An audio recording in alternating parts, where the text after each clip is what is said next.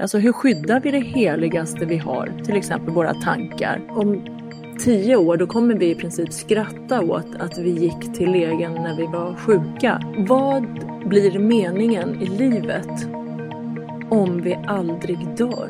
Är vi fortfarande människor? Morgondagens by, presenterat av Byutvecklingskonferensen Evolve Arena.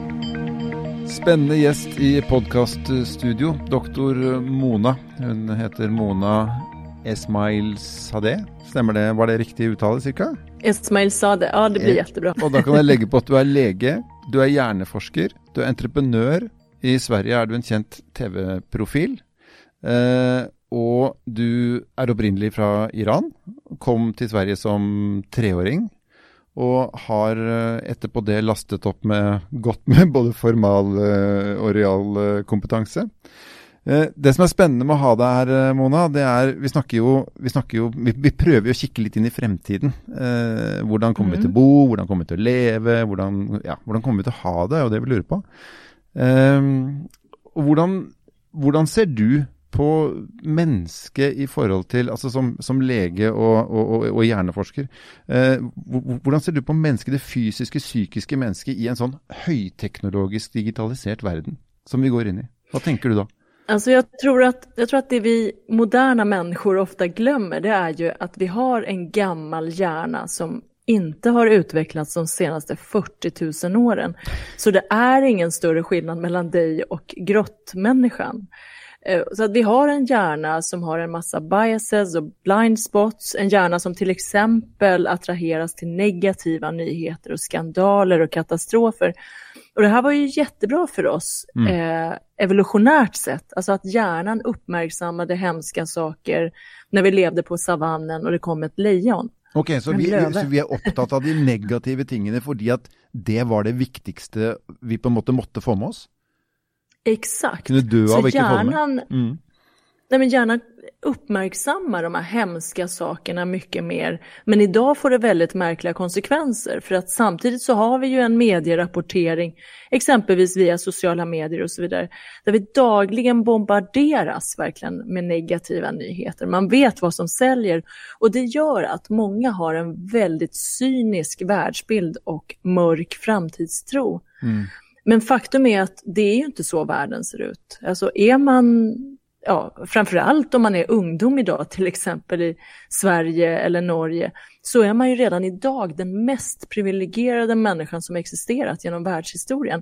Därför kan jag tycka att det är ganska provocerande egentligen att, eh, att man liksom matar de här ungdomarna med en fantasivärld, där de tror att vi lever i en värld som snart faller ihop. De har de bästa möjligheterna någonsin. Men, men det er mange som er litt redd for teknologisk utvikling. Jeg er redd for at datamaskiner skal overta, ikke sant? kunstig intelligens, eh, maskiner som lærer av maskiner, og som på en måte drar fra oss mennesker da, og, og etterlater oss et eller annet sted. Eh, Absolutt. Elon Musk har jo ytret en sånn eh, bekymring, og må kunne sies å være en relativt oppegående person på området. Hva tenker du om de tingene?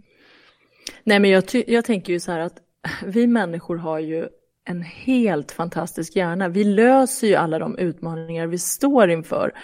Eh, men det är ju också så att vi har ju mer makt i våra händer än någon annan har haft i världshistorien. Och med den makten så kommer det naturligtvis ett enormt ansvar. För att vad ska vi göra med den makten? Alltså idag har vi teknik som gör att vi kan skicka in nanorobotar som rensar kroppen från cancerceller utan att skada en enda frisk cell. Där har man gjort eh, forskning på möss och grisar och nästa steg är ju människan. Men vi har också teknik som gör att vi kan gå in och läsa människors tankar.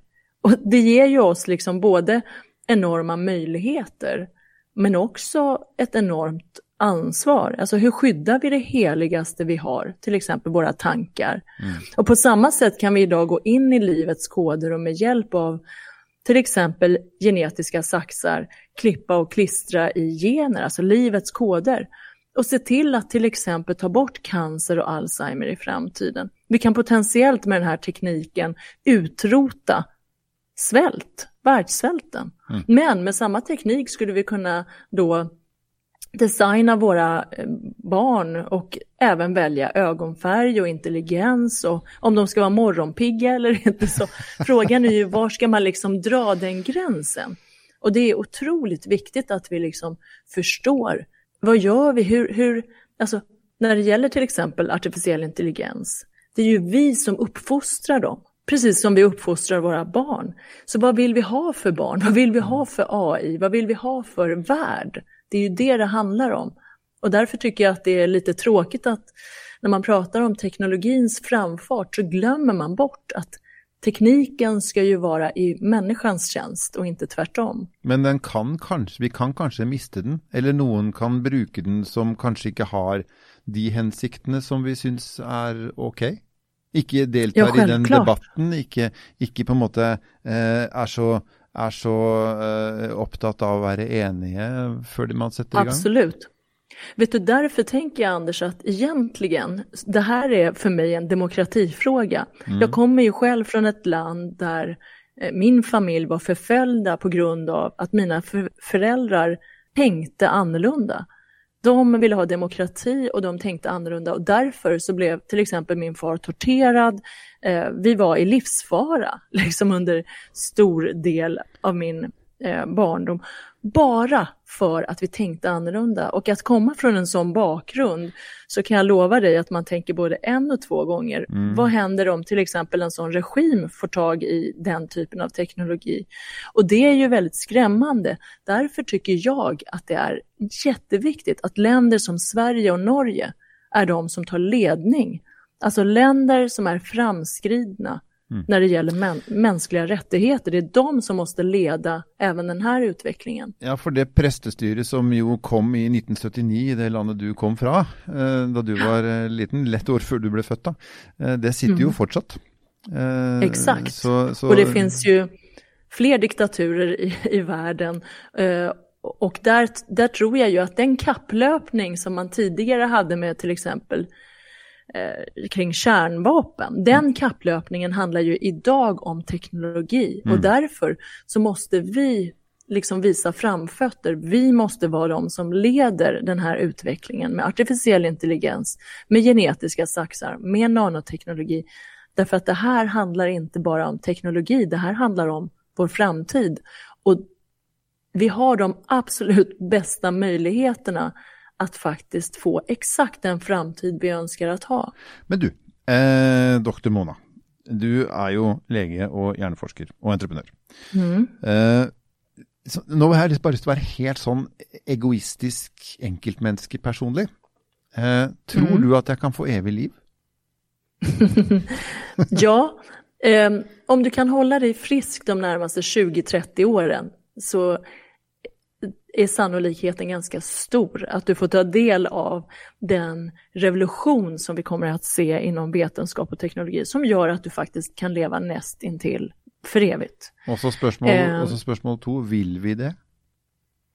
Ja, men jag tror att så här, det finns ju ingen människa som skulle vilja bli sjuk och dö, utan om vi inte vill det så handlar det ju mer om att vi har svårt att föreställa oss att Anders kan bli tusen år gammal och fortfarande både vara snygg och smart och ja. aktiv och allt det där. Utan vi tänker, när vi tänker på en, eller evigt liv är ju så svårt, det är så abstrakt att tänka, men låt oss säga om du kunde bli 150 år, vill du bli det? Jag vet inte, jag, alltså de eneste folka jag känner som inte är rädda för att dö, det är gamla mm. folk. Gamla folk mm. är inte rädda för att dö. De har uh, levt och, och, och, och, syns det är uh, okej. Okay.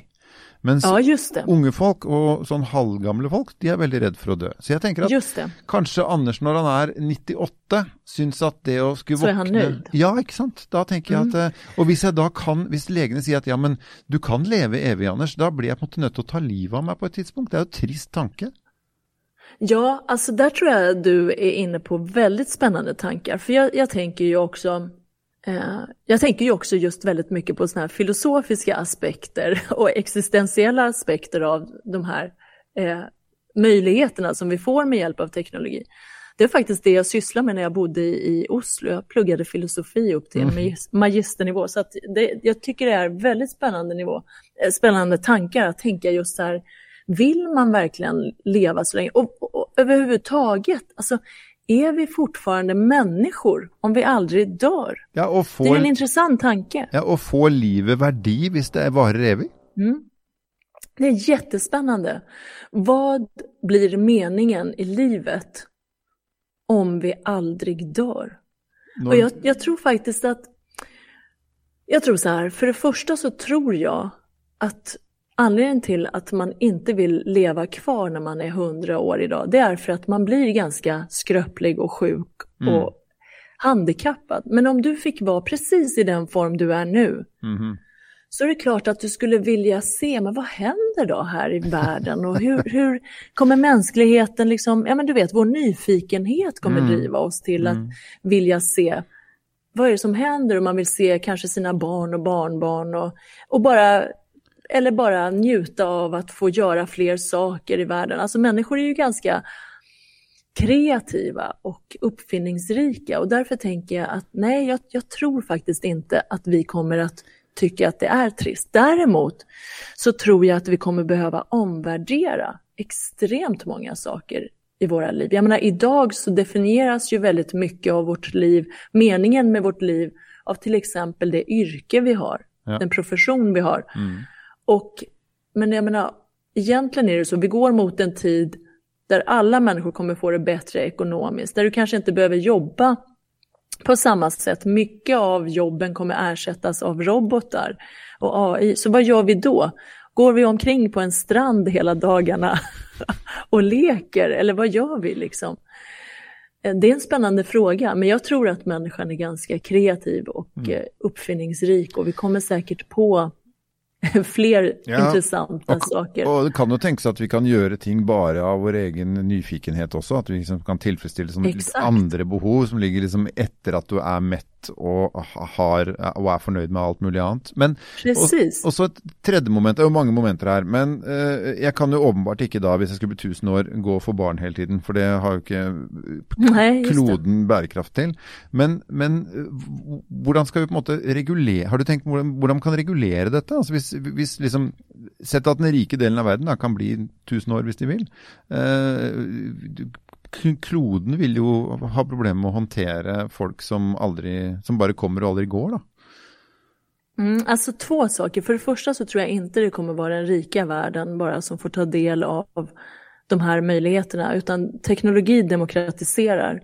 Så kanske är det så initialt, precis som med mobiltelefoner, eh, att eh, för 30 år sedan så hade inte ens USAs president liksom, råd eller möjlighet till att ha en. Och idag så kan du vara en fattig mm. Eh, flicka i Bangladesh och äga en mobiltelefon som gör att du kan faktiskt starta ett företag och, och försörja hela din familj ekonomiskt, även om du kommer från en kultur där du inte ens får sätta din fot utanför. Så att det är så verkligen att teknologi demokratiserar och jag tror att vi ser verkligen också att det går i sån snabb takt att när vi väl har knäckt koden till att till exempel stoppa åldrandet och just nu håller vi ju på att lära oss mer och mer om till exempel åldrandets molekylära mekanismer och när vi har lärt oss det och kan gå in och klippa och klistra och se till att vi inte åldras mer, då kommer vi kunna göra det, inte bara för de rika men för alla.